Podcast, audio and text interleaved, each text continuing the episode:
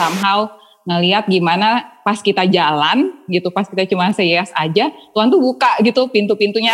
Gue jadi ngeliat kalau mission itu emang is a is a journey gitu, bukan sekedar trip, tapi is a journey of faith, is a journey uh, spiritual journey banget gitu, dan ngeliat jadi ada growth juga. Jadi jangan paradigma missionsnya itu berubah gitu karena become a lifestyle. Worship is lifestyle, missions juga lifestyle yang natural gitu, bukan dipaksakan.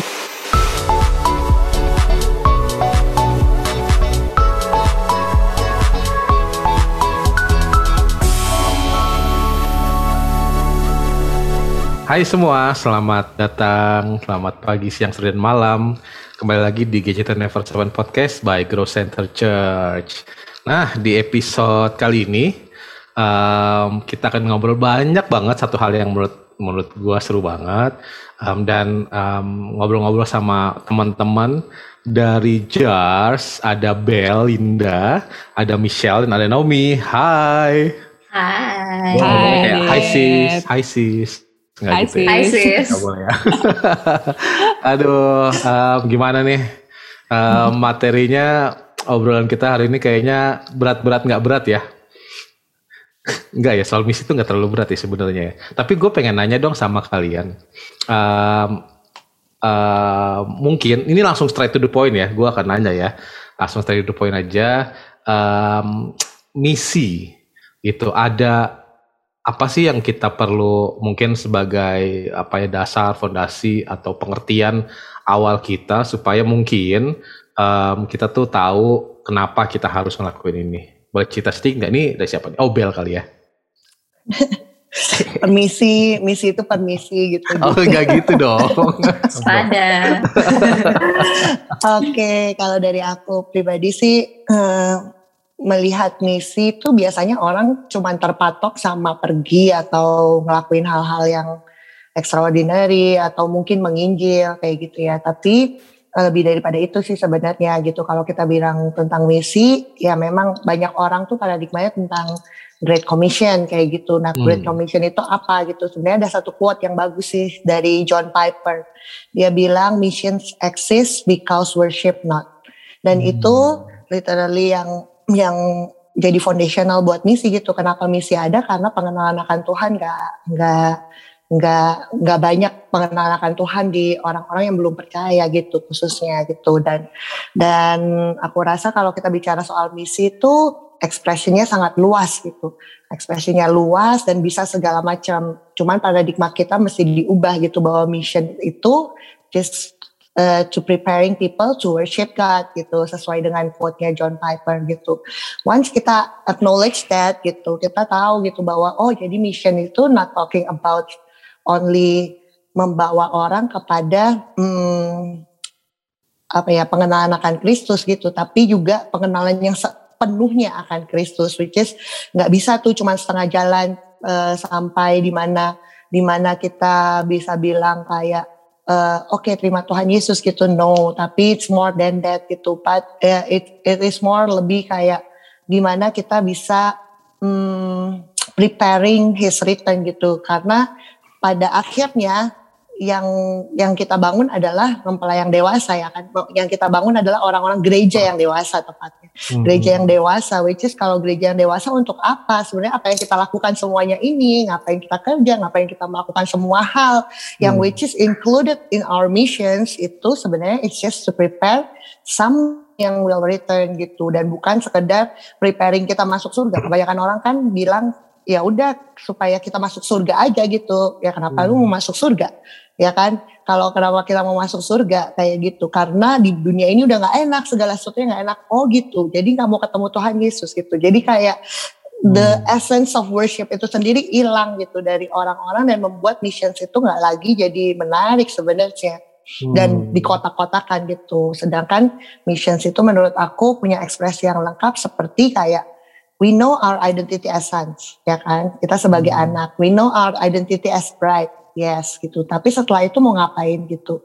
Kalau kita menjadi mature church artinya kita mau orang yang dewasa gitu. Kalau misalnya Adit punya pasangan gitu ya. Kan nggak cuman sekedar komunikasi lewat WhatsApp aja kan Dit? Pasti want to do things with them ya kan?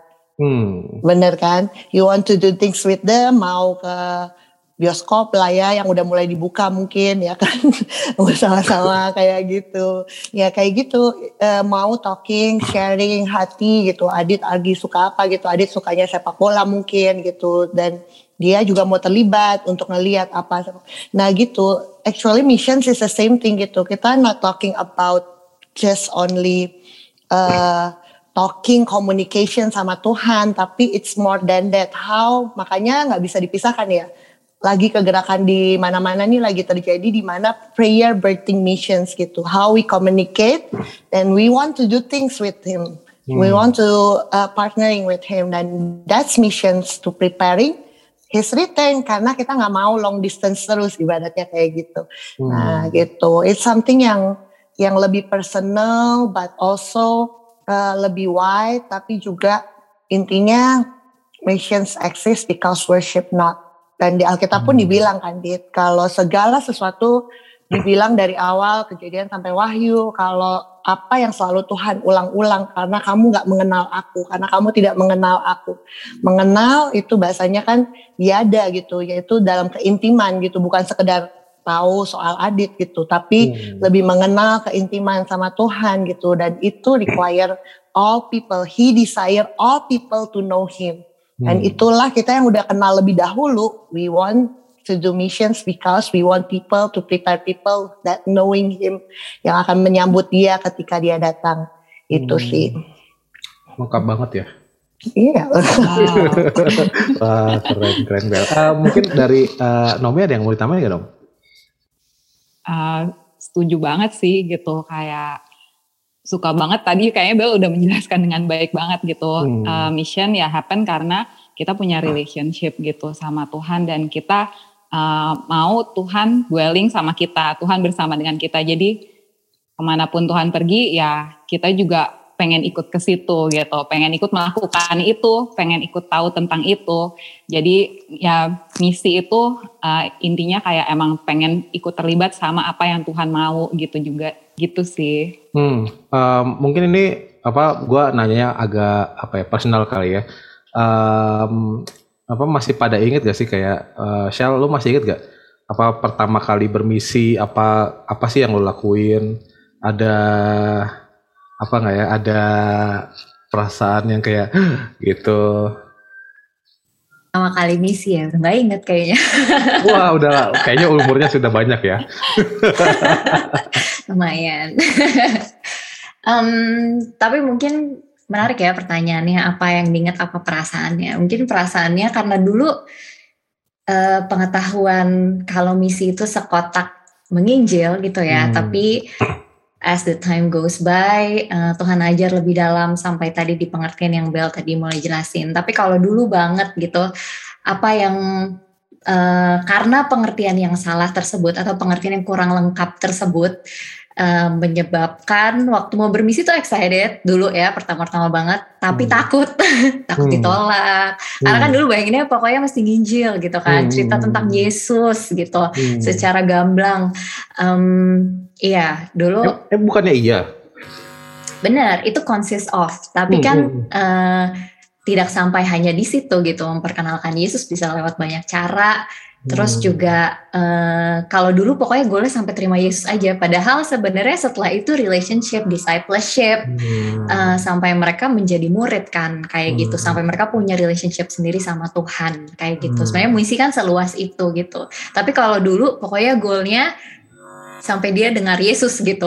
Pokoknya gue mesti katakan Yesus gitu kan. Hmm. Jadi dulu tuh sempat um, pas uh, dulu sering banget kalau naik Gojek kayak gitu uh, kayak pengen ngincilin kayak gitu-gitu bermisi hmm. kayak gitu somehow ada rasa excited tapi rasa takut tapi belajar sih hmm. dari situ dengan pengertian yang benar dengan pengertian yang lebih dalam uh, knowing gak cuma sampai di situ gitu hmm, hmm, hmm.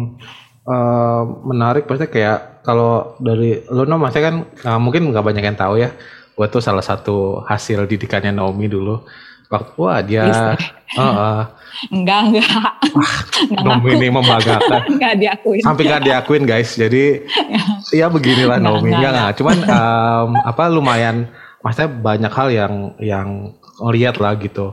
Apa yang Nomi lakuin gitu. Um, mungkin belum bisa sharing gak sih Nom maksudnya kayak um, dari dulu kan um, mungkin banyak yang kalau nggak salah dulu sering kalau sering cool tuh sering apa beberapa kali um, apa ngasihin makanan aja gitu-gitu ya di sekeliling dekat-dekat tempat cool hmm. gitu. Uh, itu waktu itu hmm. lo kenapa dong? Maksudnya kenapa lo ngelakuin itu gitu? Um, Oke, okay. kalau gue pertama gue sih mirip sama Michelle tadi ya. Dulu hmm. kalau misalnya dibilang misi, nah gue bahkan nggak sadar kalau itu tuh juga misi gitu. Jadi hmm. kalau dulu gue ditanya, uh, lo pertama kali melakukan misi kapan? Aku selalu bilangnya waktu pergi ke Kamboja tuh pertama kali sama Bel sama Adina dulu. Nah itu kalau ditanya mission trip gitu pertama gitu.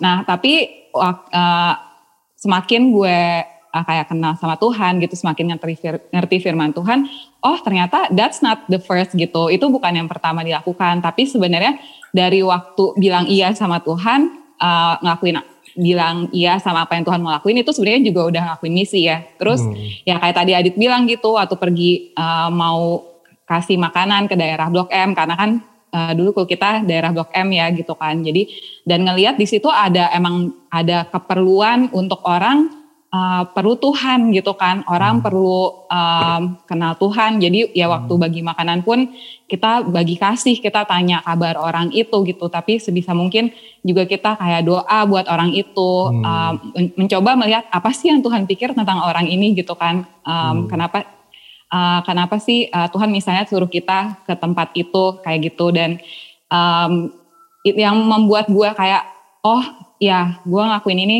uh, kenapa itu sih di Korintus ya kan dibilang uh, maaf ya bahasa Inggris for Christ love compels us gitu. Jadi karena kasih Tuhan itu tuh yang kayak mem, apa ya bahasa Indonesia tuh menggerakkan kita gitu. Hmm. Uh, kayak kasihnya Tuhan tuh yang menguasai kita sehingga kita tuh bergerak gitu. Jadi ya benar sih gitu. Jadi kasih makanan pun di orang sekitar kita, bahkan di dalam rumah kita itu juga sebenarnya uh, misi yang kita lakukan gitu. Dan ya kadang emang buat deg-degan, kadang ya um, tapi ya itu karena kasihnya Tuhan yang yang menguasai kita sehingga kita jalan untuk lakuin gitu hmm. sih Dit. Wah bagus banget. Um, gue masih ingat waktu apa ya waktu dulu pertama kali nyoba ngasih-ngasih makanan itu kaku banget kayaknya. Waduh. Um, dan uh, mungkin mungkin itu ya, masih kayak tadi Bel, Michelle, Naomi juga apa mention jelas um, apa pengertiannya diperbaharui gitu kayaknya ya maksudnya kayak setiap kita hmm. setiap kita um, dulu taunya oh yang namanya bermisi adalah keluar um, negeri atau misalkan kayak uh, penginjilan yang langsung kayak ayo terima gitu. Ayo ketemu Tuhan gitu. Langsung baptis di mana pun ada air misalnya. Gitu. Nggak gitu ya? Seri-seri um, tapi apa gue ngerasa itu tuh jadi apa pembaruan memang gitu. Nah um, mungkin alasan kenapa minggu ini gitu ngajak teman-teman dari Jas adalah karena mereka tuh buat gue pribadi keren banget teman-teman gitu. Um, kalau um, tadi Nomi udah sempet apa nyinggung sedikit udah ke Kamboja gitu tapi yang apa gue mau mungkin sedikit uh, angkat adalah cerita pengen tahu ceritanya waktu kalian ke India Uh, India guys bukan yang Bollywood Bollywoodnya ya, bukan yang kotanya kayaknya ya.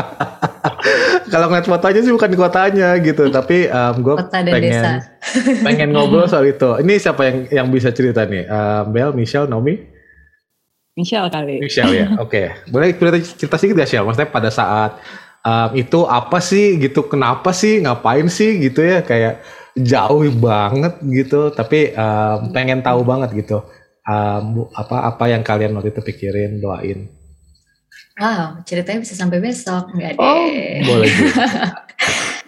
Oke, okay, kalau ke India memang ini uh, agak one in the million ya ceritanya karena kita juga nggak mengalami begitu terus-terusan. Um, ya intinya sih sebenarnya dari salah satu daripada teman-teman Jers waktu itu ada yang mimpi ya, tepatnya hmm. Winda sih. Terus dia dapat mimpi, nah di mimpinya itu ada spesifik tempat. Nah ini juga mungkin bikin kita jadi belajar bahwa hmm. terkadang mimpi itu Tuhan berbicara gitu. Hmm. Uh, di mimpinya ada tempat yang spesifik. Waktu itu ada India uh, ada Pakistan, Pakistannya bahkan uh, spesifik Lahore gitu namanya. Dan hmm. Winda belum pernah dengar waktu itu nama tempat ini gitu ya. Cuma dia baca benar-benar literal lihat dan ada message gitu. Jadi nggak sekedar mimpi bunga tidur. Um, mereka orang-orang yang istilahnya membutuhkan Tuhan di masa itu. Hmm. Jadi ya kalau diceritain mimpinya panjang ya, tapi kurang lebih uh, itu kayak sebuah panggilan untuk kita datang ke situ gitu ya. Lahore hmm. belum pernah dengar, ke India hmm. nggak hmm. pernah kayak gitu kan. Hmm. Nah tapi memang itu membekas di hatinya dia dan akhirnya kita bilang ya udah yuk kita doain gitu karena di situ mereka uh, di mimpinya itu ada sebuah ajakan uh, help us here gitu tolong kami datang ke sini kayak gitu dan itu mereka orang-orang yang terikat di dalam mimpinya gitu hmm, uh, terus ya udah akhirnya kita mulai berdoa kita berdoa lumayan lama ya ada sekitar mungkin dua tahun ya dua tahun lah. Oh, gitu. Dua tahun ya guys ya kita berdoa. Wow. karena karena ya itu ya maksudnya belajar bahwa uh, ya kita kita mesti align sama hati Tuhan gitu. Maksudnya kita mesti ngertiin apa sih yang Tuhan mau sebenarnya gitu kan ya. As we know mission tadi nggak cuma sekedar datang ngomong Yesus terserah dia mau terima apa enggak terus pergi enggak gitu kan. Tapi hmm. uh, mempersiapkan uh, mempelainya Tuhan gitu hmm. untuk mereka siap untuk kedatangan Tuhan. Hmm. Singkat cerita kita doa sampai sekitar dua tahun kita berkala sih waktu itu doa hampir every week kali ya. Um, terus kita doa singkat cerita nah melalui doa itu Tuhan mulai bukakan gitu. Kita doa rame-rame Tuhan mulai bukakan ke Bel ke Naomi ke gue ke Winda ke teman-teman yang lain gitu. Um, apa sih firmannya? Apa sih uh, apa yang Tuhan mau untuk kita lakukan ada di sana. Kalau kita pergi nih Tuhan, Tuhan mau kita ngapain kayak gitu. Hmm. Dan bagaimana orang-orang yang kita uh, lihat itu mereka bisa terlepas. Terus kita mesti ke mana? Kita nggak punya teman, nggak punya channel waktu itu gitu. Hmm. Um, singkat cerita Tuhan kasih strategi waktu itu. Tambahin teman-teman kalau ada yang saya kelupaan ya. Uh, strateginya salah satunya adalah worship waktu itu yang Tuhan suruh kita lakukan. Um, kita uh, datang sana untuk worship, change the atmosphere gitu. Percaya terkadang kita datang mm, nggak mm, harus untuk tengking-tengking segala sesuatunya, tapi waktu kita worship Tuhan, uh, Tuhan ada di situ dan kuasa yang lain itu pasti nggak bekerja gitu. Hmm. Itu yang kita believe kan gitu dan itu firman Tuhan ajarin gitu. Terus yang kedua uh, share the love gitu, bagikan kasih, mercy ministry yang waktu itu kita dapetin lewat doa yang setiap minggu kita lakuin hmm. gitu kurang lebih uh, itu sih strategi. Jadi clear gitu. Hmm. Hmm, nah waktu sam waktu mau ke sana juga sebenarnya ada dikenalin teman-teman dari sini ke sana sini ke sana. Terus kita waktu itu rencananya panjang. Mau ke tempat A B C D E F G gitu ya. Tapi singkat cerita akhirnya Tuhan persempit uh, ke satu kota. Waktu itu kita pergi ke Kolkata kayak gitu. Dan Tuhan memang bukakan untuk uh, membagikan kasih ke tempat itu sih gitu. Hmm Um, ini mau diceritain sampai habis atau gimana nih? Atau uh, panjang? oh, boleh ini nggak? Oke, okay. kalau kalau mungkin ya, mungkin um, gue yakin um, apa awalnya tadi dari doa, hmm. tapi pasti berat ya secara pribadi hmm. masing-masing ya. Gitu, gue nggak ngomongin JARS, maksudnya sebagai organisasi, tapi secara masing-masing pasti udah tahu lah ya gitu, um, apa udah kebayang mungkin um, Lahore namanya aja mungkin namanya doang yang bikin hore kali ya. Gitu tapi um, situasi mungkin nggak segitunya. Nah terus sampai ke India gue yakin semua punya um, struggle gitu lah ya. Pertimbangan mungkin um, concern masing-masing. Gitu boleh cerita nggak? Bel mungkin yang nggak ngetahu nih dari tadi Bel senyum-senyum aja. Gue pengen tahu apa yang ada di pikirannya Bel kepo banget gue ini kan Michelle cerita sambil aku kayak nostalgia gitu. Oh gitu. Ya. Jadi waktu itu nari-nari ya, apa di hore-horein. Begitu sampai lari. Enggak, enggak, enggak lucu, lucu. emang, emang gak lucu dia. Oke, kalau dari aku sih struggle ini karena kan kita pergi ke India dua kali ya sebenarnya dua kali perjalanan. Oh. Yang pertama 2017, yang kedua 2019 gitu. Hmm. Dan yang pertama emang Tuhan kasih clear gitu tentang mercy ministry dan worship dan itu struggle-nya jauh lebih ya sama sih sebenarnya cuman berbeda berbeda tipe hmm. gitu cuman yang kedua aku udah belajar gitu yang kedua itu 2019 nah yang pertama ini yang yang anak eh, teman-teman yang lain juga pasti tahu lah aja sih itu karena aku kan orangnya prepare banget ya gitu ya hmm. sometimes gitu jadi tuh memang duitnya nggak ada gitu kan hmm. itu yang paling penting ya kalau mau pergi kan duitnya hmm. nggak hmm. ada belum cukup lah ibaratnya karena hmm. kita tadinya planningnya mau touring ke beberapa kota sebenarnya sampai di smaller sampai ke satu kota yang memang very strategic gitu yang di mana tempatnya memang ada uh, the second largest uh, prostitution area di situ trafficking human trafficking gitu.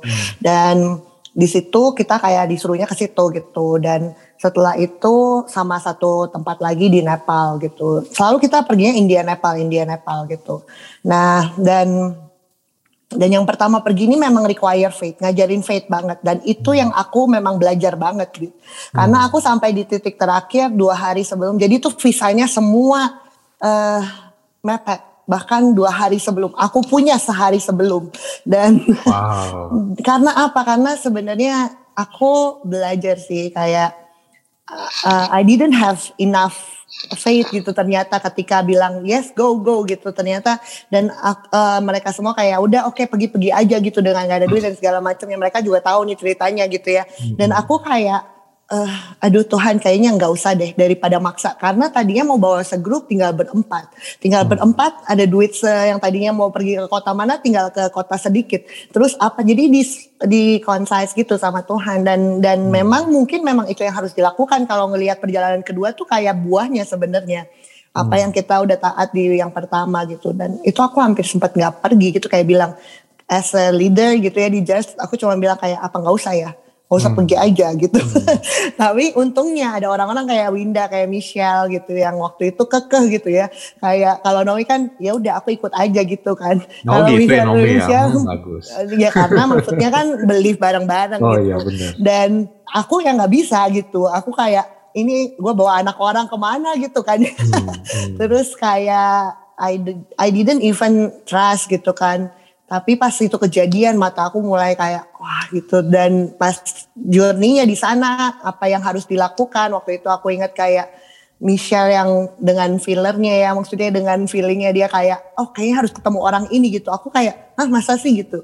Karena I'm really doubtful di situ kayak Tuhan turn my perspective about faith dan uh, tentang percaya kayak gitu. Dan di situlah kayak ternyata orang itu yang membukakan jalan kita untuk ke that prostitution place. Dan ternyata kayak gitu deh itu semua Tuhan gitu. Dan Tuhan lengkapin semuanya. Dan I thought I'm doing missions gitu ya gitu ya. Hmm. tapi ternyata Tuhan pun change God has a mission for me gitu hmm. untuk mengubah hati aku okay. gitu dan hmm. dan itu yang sesuatu yang struggle yang aku hadapi gitu untuk aku pribadi ya bukan soal mungkin ada beberapa yang soal keluarga dan lain-lain gitu mungkin hmm. kayak kaget gitu ke India ya mungkin dari Winda atau siapa gitu tapi kayak hmm. kalau dari aku pribadi masalahnya yang aku lihat aja gitu sometimes kan karena I'm a seer, jadi aku lihat keadaan, aku lihat ini kayaknya nggak mungkin deh. Hmm. Tiba-tiba ternyata semua terjadi. Ya, ya, itu sih aku belajar banget sih. Ya memang lo perlu banyak beriman Bel. Ini uh, Tuhan. Um. gak, gak, gak guys. Kenapa jadi kayak gitu ya? Tolong berikan saya iman mas. Sekali sekali loh Adit bisa ngomong gitu ke Bel. Nyebelin banget ya. um, Nom, kalau lo nih mas gue uh, ya gimana pun gue yakin maksudnya akan ada another story wah maksudnya kayak walaupun kayak ya udah terserah Bel mau pergi kapan gitu maksudnya kenapa lo bisa mikir kayak gitu bahkan maksudnya kayak orangnya kok uh, either polos atau mungkin melihat uh, iman yang lain gitu ya berjalan dengan iman orang lain atau gimana kalau dari lo? Emang gue polos ya? Oh ya, oh, ya oke. Okay. polos, polos, Naomi polos kok. Oh iya, iya. Polos polos ikut aja. Ya kalau gue mungkin ceritanya malah kocak ya. Soalnya harusnya gue bahkan harusnya nggak ikut tuh yang pertama. Hmm. karena uh, mereka kan planningnya kayak tadinya lebih lama gitu. Itu sesuatu yang tadi dibilang ya udah di plan lama banget tapi last minute, last minute gitu sebenarnya jadi guide-nya kita pun kayak dia sakit dan pokoknya gitulah pokoknya kontaknya. Jadi kita intinya nggak bisa di guide sama dia gitu hmm, jadi sebenarnya wow. makanya kita makanya tadi dibilang kita ke sana sebenarnya nggak ada koneksi benar-benar gitu. Um, dan waktu itu kan uh, gue juga tanggung jawab untuk kafe kan, Jars Cafe hmm. gitu. Jadi nggak mungkin gue pergi kayak lama-lama gitu. Nah hmm. tapi somehow tetap ikut doa gitu kan. Selalu kan kayak kita tetap sharing, kayak tetap uh, jalan bareng, doa bareng dan lain-lain. Nah tapi emang somehow, nah kalau gue tuh nowhere mungkin Adit bingung ya kayak nowhere tuh kayak emang uh, gimana sih kayak tahu aja. Bukan so tahu ya tapi kayak tahu aja gitu loh kalau dengar dari Tuhannya gitu kayak dalam hati gue tuh kayak tahu emang ini harus pergi gitu kayak this is the time gitu. Dan tahun ini gitu nggak tahu sih kayak ngedapetinnya kayak gitu. Nah tapi kayak nggak nyangka kalau plannya itu jadi uh, jadi ya gitu berubah begitu banyak. Hmm. terus karena di waktunya dipersingkat jadi emang um, ya sebenarnya gue jadi bisa pergi sih gitu. Hmm. tapi at one side gue juga ada bagian kayak belnya gitu. Orangnya agak terschedule gitu ya. Jadi um, ketika lihat schedule itu uh, kayak bukan berubah aja tapi ya begitu ada sih ada ya ada ada setitik-titik gitu secercah-cercah gitu lah ya uh, petunjuk-petunjuk gitu. Tapi uh, ya itu yang membuat gue jadi kayak gue tahu nih harus pergi gitu. Tapi ya in one side gue juga orangnya mungkin ikut ke leader juga ya. Jadi kayak oke okay, terserah Bel tapi kalau emang Bel sama pergi emangnya kita ya udah jalan gitu. Nah satu lagi gue itu kan orangnya lu tahu ya dia gue kan nggak bisa sama hal-hal yang agak maaf ya maaf bau-bau dan lain-lain gitu ya kayak. Om itu paling anti. Banget ya. Datang ke India tuh ya bener-bener ya. Bagus sekali pilihannya. hati-hati makanya hati-hati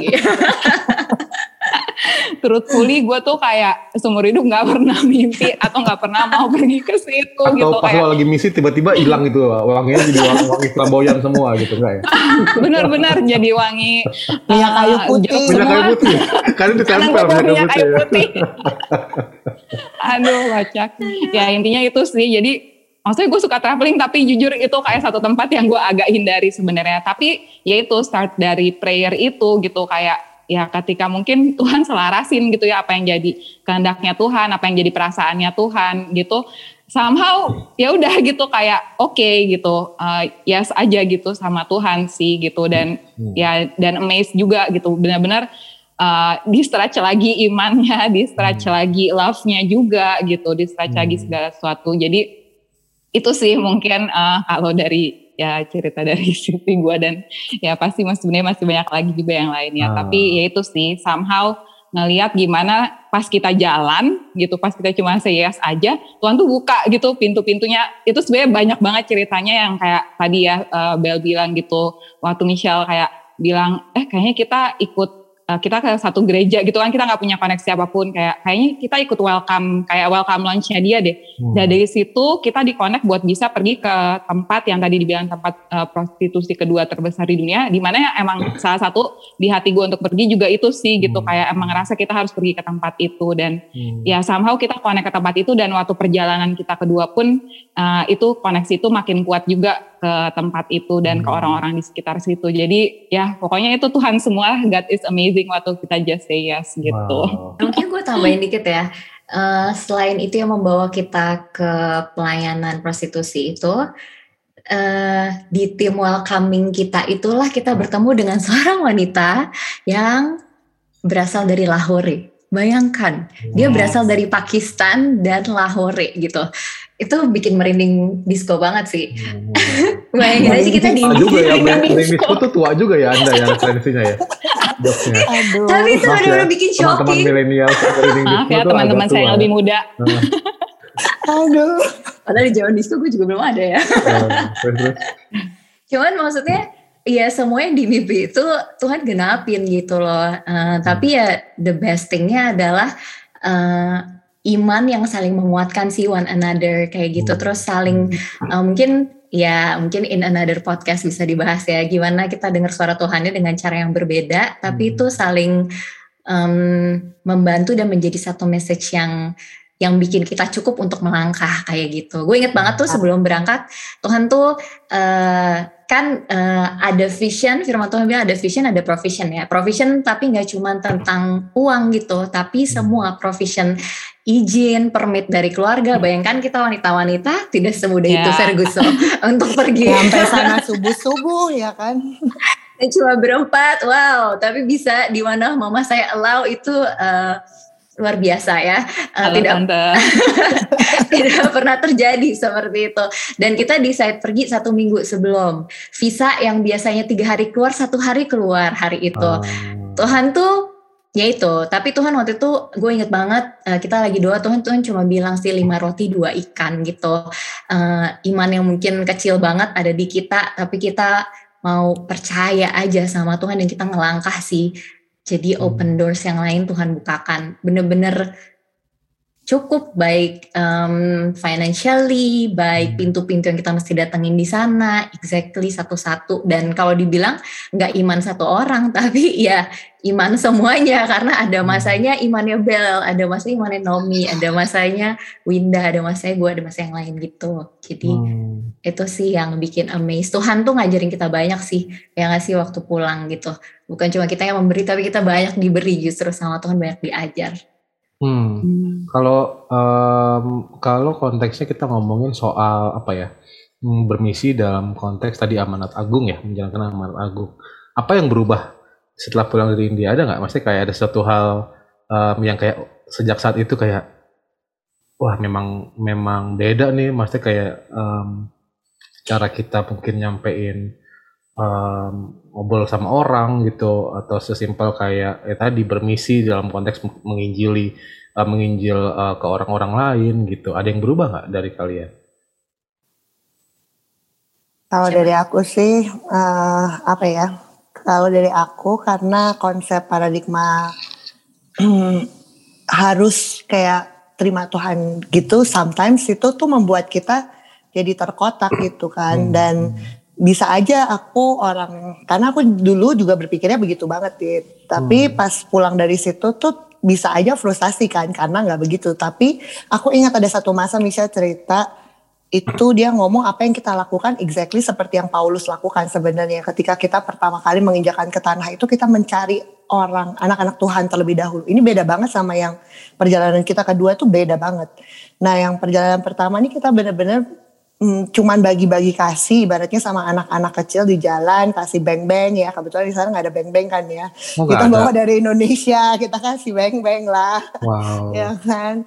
Terus uh, di situ terus kayak ketemu orang yes ketemu. Ada satu cerita kayak ada anak satu kumpulan anak-anak juga yang anak muda yang aku ingat banget inspire me kayak dia tuh uh, ngumpulin anak di India kan anak-anak jalanan gak kayak di Indonesia it's literally very poor gitu kan hmm. hmm. dan dan apa namanya benar-benar dia anak teenager yang di yang mengumpulkan anak-anak kecil lainnya gitu itu random aja ketemu gitu dan itu juga udah inspired gitu banyak inspiration story but in the same time kayak kita dituntun Tuhan tuh lebih ke gereja-gereja untuk yang pertama gitu sama hmm. seperti yang Paulus lakukan pertama kali dia menginjakan tanah di tempat tertentu dia ke sinagog gitu kan dan hmm. itu yang kita belajar gitu oh ternyata tuh mission juga in process gitu bukan sekedar sekedar kita mau terus langsung terjun langsung ini gitu. Kalau hmm. segala sesuatu yang cepat juga hasilnya kurang baik ya ternyata gitu. Hmm. Dan memang apa yang kita tabur di yang pertama kita tuai di yang kedua dan itu tuh benar-benar kita lihat literally apa yang kita tabur di yang kedua.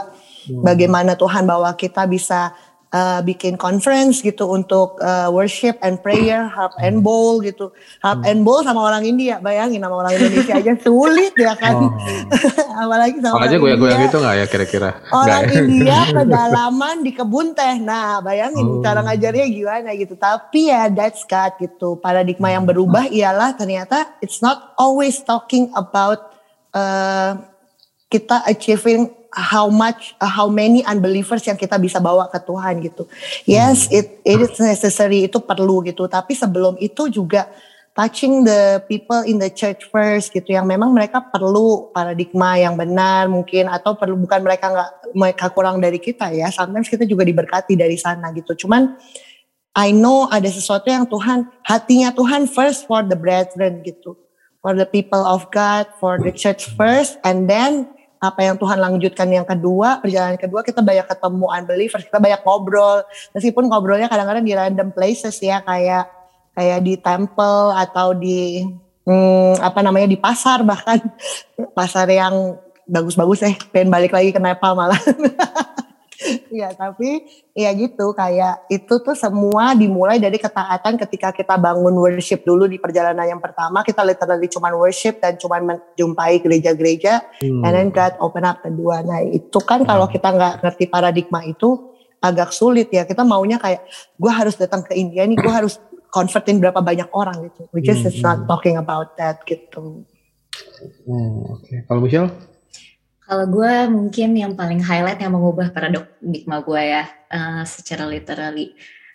Dari dulu tuh balik lagi kotaknya adalah nyinjil harus ditentang Yesus literal hmm, gitu hmm. kan.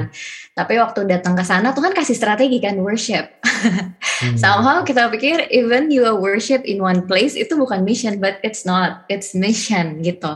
Karena kita aligning our heart dan again um, waktu ada hadirat Tuhan, waktu Tuhan ditinggikan di tempat itu, yang lain-lain itu pasti pergi, kuasa yang lain itu pasti pergi. Hmm. That's why yang Tuhan suruh untuk kita lakukan apa gitu. Waktu kita datang ke hmm, Tuhan suruh kita worship di high places gitu, maksudnya karena dan kita declaring firman Tuhan gitu. Uh, mungkin gak langsung at that time kita melihat orang-orang literally langsung di convert. Tapi kita mendengar setelah itu cerita-cerita di daerah tempat-tempat di mana Tuhan suruh kita untuk berdoa dan mendeklar firman Tuhan. Yesaya 55 katakan kan firman Tuhan yang keluar tidak akan kembali dengan sia-sia. Hmm. Kita mulai lihat there is turning point gitu. Ada hal-hal yang uh, Tuhan change di orang-orang hmm. di tempat kita berdoa. Even kita cuma menabur, itulah disebut hmm. namanya prayer atau intercessory missionary. Somehow people think doa itu bukan misi, lu jangan berdoa terus, lu pergi misi gitu. Tapi sebenarnya hmm. praying pun it's part of mission hmm. kayak gitu. Praying pun you are uh, doing mission karena that is his heart gitu kan. Hmm. Nah yang paling mengubahkan gue juga uh, waktu Tuhan suruh kita datang ke tempat uh, prostitusi itu uh, yang Tuhan taruhin di kita ngapain? Kita praying. Karena emang serius datang ke situ ya itu spiritually and uh, physically menegangkan guys. Boleh dicoba. Maksudnya tuh mereka di sekolah lagi nggak sih? oh, mereka di sekolah. Oh, banget itu pengen joget. iya, selain kita emang physically mungkin kulitnya beda kita dilihatin, tapi memang tempatnya tuh apa ya? Lu ngerti kan kalau pergi ke satu tempat kayak gak enak gitu. Di tempat tuh kayak feel gelap gitu. Uh, dan memang tempatnya pun selain memang dia um, apa ya? Ya karena itu di bagian daerah miskin gitu kan. Jadi hmm. memang nggak nggak nggak healthy lah kayak gitu. Yang Tuhan minta untuk kita lakukan ya kita praying kita declaring firman Tuhan masukin ke situ sambil kita smiling and just connected sama Holy Spirit sih. Apa pun yang Holy Spirit katakan ya that's our mission gitu. Hmm. that's our part just uh, lakuin fulfilling apa yang Tuhan put in our heart kayak gitu. Uh, itu mengubahkan gue sih juga hmm. tentang misi gitu. Uh, aligning with his heart dan lakuin gitu uh, according to Bible ya itu mission kayak gitu. Even worship and praying. Hmm, oh. gitu sih. Kalau lo nom apa yang berubah? Ada nggak? Jadi cinta sih, India. pasti. jadi cinta harumnya India. Hmm, dari kuat tapi tetap ya. nggak cinta duren. Oh cinta duren ya Mungkin belum, belum. nah itu proses memang pertobatan itu proses. Oh iya iya iya. iya. ya gue mau bilang itu sih sebenarnya ya, tapi jadi ngeselin. ya maksudnya sama sih, uh, gue jadi ngeliat kalau mission itu emang is a is a journey gitu, bukan sekedar trip, tapi is a journey of faith, is a journey uh, spiritual journey banget gitu, dan ngeliat jadi ada growth juga yang berubah. Uh, mungkin sebenarnya waktu tentang dua itu gue dapat banget justru waktu yang pertama kali yang gue bilang pergi ke Kamboja itu sih. Jadi waktu itu waktu pergi ke sana ya Bel kita malah sama Dina banyak kan tuh di sana doa. Kayak kita banyak banget masuk ke ruang doa di hmm. sana terus dia kita doa doa doa doa. Tapi emang abis itu kita pergi ke villages gitu dan ya ya di situ sih um, mungkin itu dan gue jadi ngeliat oh Tuhan tuh sebenarnya udah persiapin ya gitu. Gue gue ingat firman Tuhan bilang kan beritakanlah uh, Injil baik atau tidak baik waktunya. Jadi kadang ada waktunya tuh baik karena emang udah dipersiapin kayak gitu ya. Jadi kayak udah tahu. Tapi kadang ada waktunya nggak baik waktunya ya gitu ya. Mungkin secara fisik atau misalnya ya gitu ketika ada bau-bau mulai menyerang gitu tapi um, tapi ya itu uh, sakin Tuhan tuh kayak mau for him to be known gitu Tuhan tuh mau mau ada di situ gitu kan jadi uh, buat gue sih kayak diubahin banget untuk lihat itu is a journey gitu hmm. dan um, dan dari trip pertama ke trip kedua pun kayak ngelihat gitu semakin ada pintu-pintu yang semakin dibukakan gitu. Uh, dari yang tadi conference itu somehow kita nggak berarti berhenti doanya gitu. Justru hmm. kita terus terus terus terus uh, lanjut doanya juga di situ. Um, makanya tadi Bel bilang penting juga ketemu sama orang-orang apa ya yang uh, orang-orang yang percaya di situ. Karena mereka juga haus banget gitu. Even orang-orang uh, yang udah kenal Tuhan pun mereka haus dan and they still need that uh, that fresh water gitu kan. Dan Tuhan bukain justru lebih lagi sampai ke uh, border yang lebih dibukain lagi ya kayak kayak kebutan gitu hmm. belum sampai butannya sih tapi kita ke border di situ gitu dan hmm. ya semakin nangkep lagi ada sesuatu yang Tuhan mau lakukan for that region gitu hmm. dimulai dari mungkin satu kota yang tadi kita pergi kalau kata gitu somehow Tuhan bukain dan bukain lagi gitu hmm. dan yang satu lagi sih yang udah pasti banget diubahin hati kita sendiri sih justru gitu hmm. kayak kita mau pergi ngubahin hati orang lain mungkin tapi Tuhan juga ubahin hati kita gitu ya jujur kalau sekarang gue bilang ya gue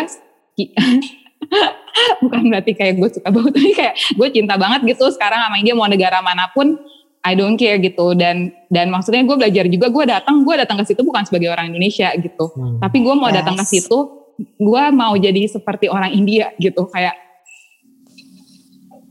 apa yang lo rasain gue juga gue juga mau uh, rasain itu gitu. Kayak apa oh. yang lu suka cita tentang apa sih orang India gitu? Kayak orang Nepal uh, gue juga mau gitu. Karena itu yang Tuhan mau gitu sih. Jadi ya gue bersyukur banget sih um, mission is a journey is a growth dan kayak bisa ngerasain hatinya Tuhan lebih lagi um, itu sih yang uh, dirasain gitu yang mengubah banget banget yeah, gitu dia dong Enggak gitu.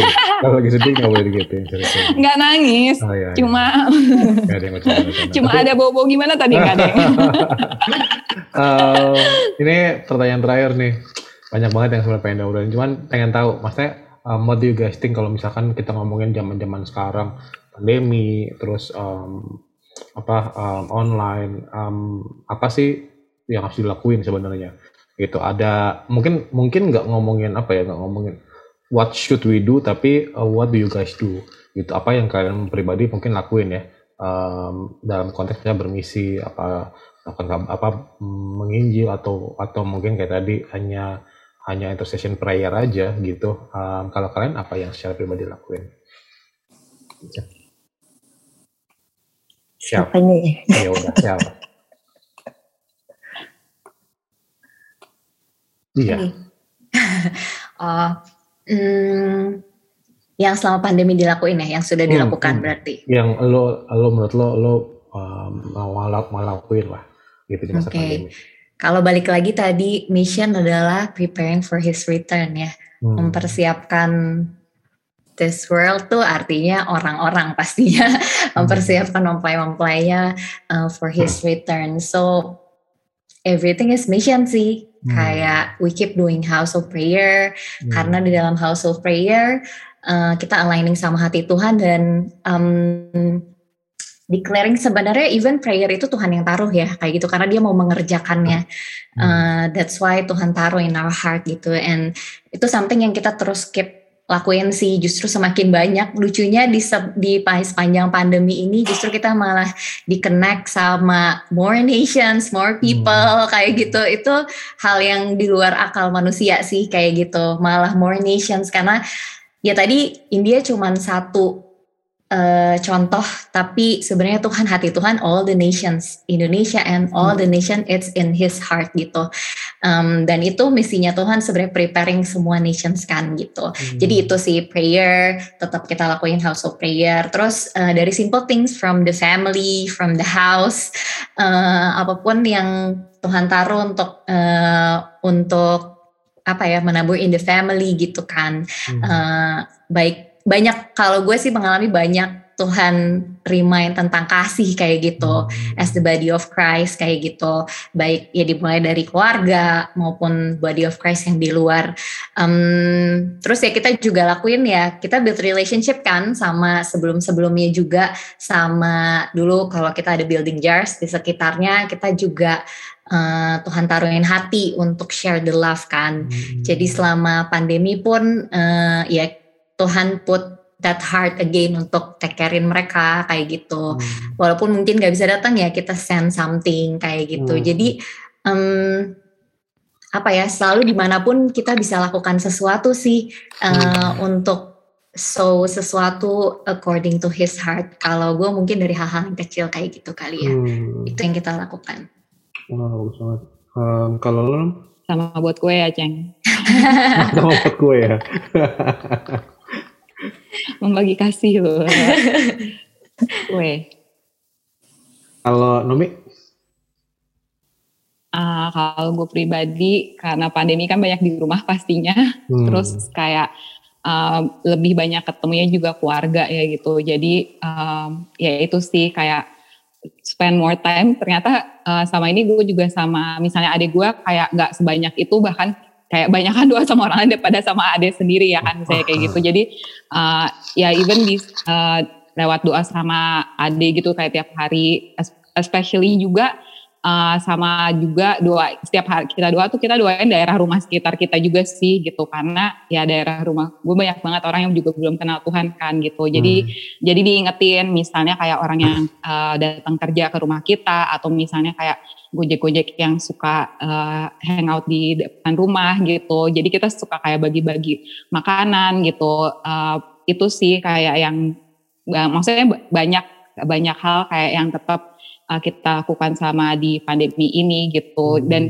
juga ini sih kayak um, apa kayak komunitas gitu. Jadi um, kayak tadi ya maksudnya somehow waktu kita pergi gitu aku sama Bel sama Michelle sama Winda. Tapi rindu juga kayak lebih banyak lagi gitu nggak sih? Kayak yang yang tahu bukan bukan pergi ke India aja ya tapi untuk kayak uh, berani untuk kayak mau uh, jalanin apa yang jadi uh, misinya Tuhan dalam hidup kita masing-masing gitu. Dan itu salah satunya ya lewat komunitas sih to, to keep sharing that heart gitu. Hmm. um, ya jadi tumbuhnya lebih bareng-bareng lagi gitu. Um, ya paling sama pandemi ini banyak juga uh, yang dilakuin lewat situ wow. selain juga ya tetap uh, sama-sama jars.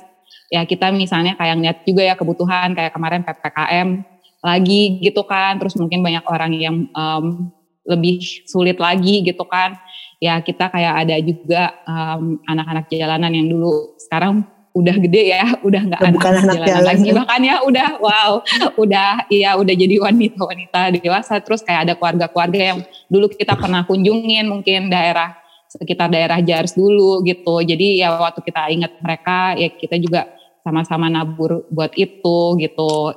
Ya tetap kayak simple things like that ya misalnya kayak lihat nakes nakes gitu uh, masih banyak banget malah kan semakin banyak banget kebutuhan gitu ya we simply kayak uh, dari komunitas atau misalnya dari jars juga gitu kayak send out food send out um, masker apa pun yang lagi dibutuhin pada saat ini gitu sih hmm. dan um, kadang waktu kita kirim kita kayak kirim dengan notes kayak dengan firman Tuhan atau dengan kata-kata yang encouraging gitu. Jadi hmm. somehow itu tetap kita bisa share kayak firman Tuhan, kita tetap share uh, apa yang jadi kebenarannya Tuhan juga sih gitu di ya. saat-saat kayak gini. Wow. Gitu sih, Dit. Bagus. Bagus banget. Um, kalau Bel, Lu udah nyiapin catatan ya Bel? Panjang ya? Sampai Gara -gara. besok pagi. Oh, besok. Kalau gantian Oke sekian podcast Sama dikasih PR ke Adit ya. Coba Adit apa yang mau dilakukan habis ini? Setelah saya mendengar ini saya ya? mau. Iya, um, balik lagi sih kalau aku personally ada empat hal ya. Yang pertama, Waduh Enggak, ini ini simple. catat ya? Oh catat. Oh, ini bagus sih.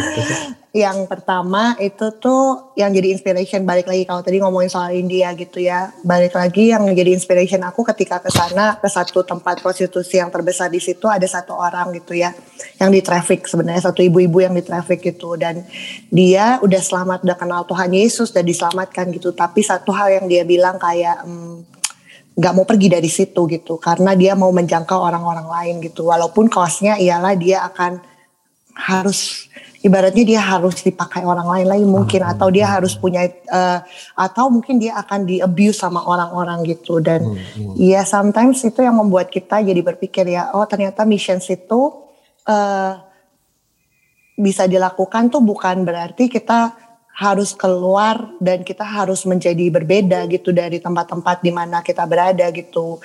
Dan dari situ pun kita tahu gitu bahwa missions itu talking about you being salt and light. Di tengah-tengah semua orang ada gitu kan. Eh, di tengah semua orang yang mungkin nggak kenal Tuhan gitu. Itu yang pertama gitu inspiration yang datang gitu nah yang kedua berhubungan sama itu gimana kita bisa jadi salt and light? Ya ternyata missions itu kan sebenarnya talking about yang tadi kan preparing the return of Jesus gitu. Dan ya by being ending endingnya apa sih? Siapa yang menjadi contoh yang paling maksimal dalam all doing missions is Jesus himself ya kan?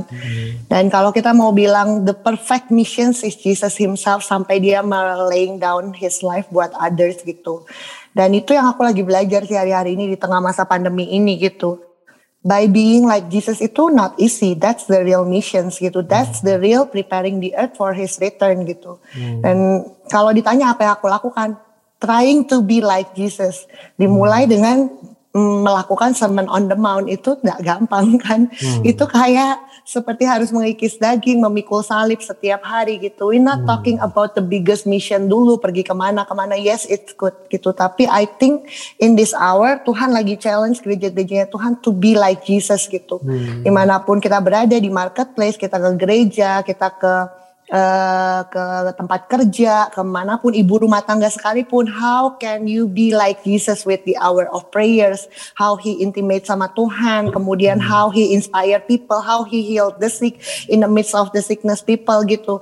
Itu semua being like Jesus gitu. More than that, character of Jesus gitu. Dan itu yang bisa dirasakan dan di taste and see sama keluarga kita sama orang-orang sekitar kita. That's the real missions gitu. Itu yang kedua gitu. Dan yang ketiga sebagai orang misi aku tuh kan Michelle paling tahu lah kayak gak bisa diem gitu ya. Kayak pengen pergi ke mana gitu. Pengen pengen ngelakuin ini pengen gini gitu. Tapi Tuhan ajarin sih di Yohanes 6 dibilang dikatakan kayak hmm, dibilang di Yohanes 6 ayat 44 dikatakan no one can come to me unless the father who sent me draws him. Artinya Tuhan sendiri sebenarnya yang akan draws the people yang Tuhan uh, draws the people yang memang harus mendengar kabar baik itu sama sekitar kita gitu. Tapi basically kitanya sendiri mau mendengar nggak itu orang-orang itu siapa gitu yang ada di sekitar kita yang we want to even it's as simple yang kata Naomi to do community ya even discipleship is part of missions gitu. Dan itu yang kita lakukan gitu. Even disciples your own home gitu. Bisa gak sih ngajarin papa mama kita baca Alkitab gitu kayak eh, walau ketika mereka nggak ngerti kita punya akses segala macam sekarang kita bisa Bible study dan segala macam gitu. How our parents know that gitu. Kadang-kadang harus ngobrol panjang sama mama papa tentang the end times tentang paradigma mempelai itu agak sulit loh ya. Tapi itu yang kita lakukan gitu. That's the mission juga gitu. He will draw people eh, siapa pun yang datang gitu tukang sampah atau siapa pun gitu. Dan kesaksian yang yang kita ketemuin gitu kirim masker waktu itu sama Nomi datang ke satu tempat gitu.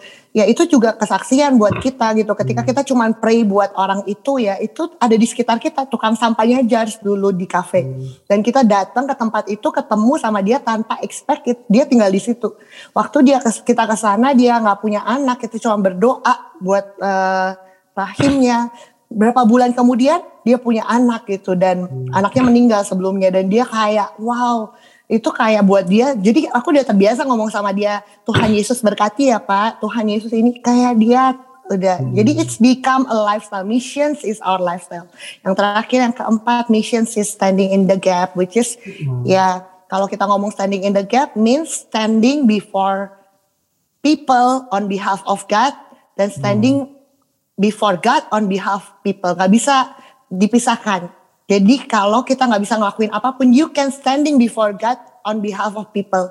Kamu bisa berdoa, kamu bisa interceding. Hari-hari ini kita tetap lakuin itu di rumah doa. Bahkan we planting more houses of prayer hmm. in the midst of pandemik ini karena kita hmm. bisa menjangkau lebih banyak pulau gitu kan. Hmm. Dan we stand on behalf people, uh, on behalf God in front of people gitu. Dan kita hmm. bisa lewat apa tadi balik lagi lewat become like Jesus gitu.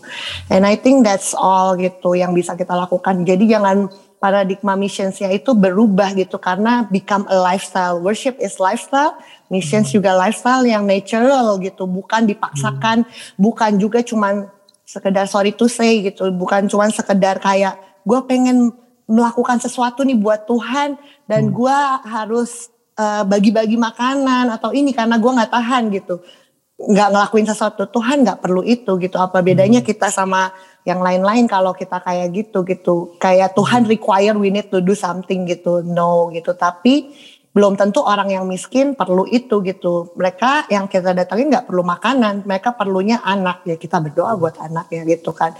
It's something yang kita perlu understand, not just always mission talking about berdiri buat social justice gitu atau apa pun gitu. Karena no, it's always about preparing the earth for the return of Christ. Apa pun ekspresi yang Tuhan kasih buat kita itu oh. sih. Amin. Enak ya kalau bela akhir ini pas banget ya. Sudah dirangkum semuanya. Jadi guys, kalau tadi ngomong kecepatan silakan diulang pelan-pelan. Bel memang biasa ngomong sama orang bahasa Inggris ya. Tapi anyway, Jars thank you banget um, atas waktunya. Thank you Bel, thank you Michelle, thank you Nomi. Um, senang banget apa yang kalian ternyata udah lakuin. Um, at least kalau gue ke gue pribadi itu keberkatin banget karena ya memang rubah banyak hal pembaruan budi pemahaman um, apa pemahaman kita soal misi. Jadi sekali lagi thank you semua. Thank you. Um, thank you, Dear. I see you next week guys. Dadah. Bye. Bye. Bye.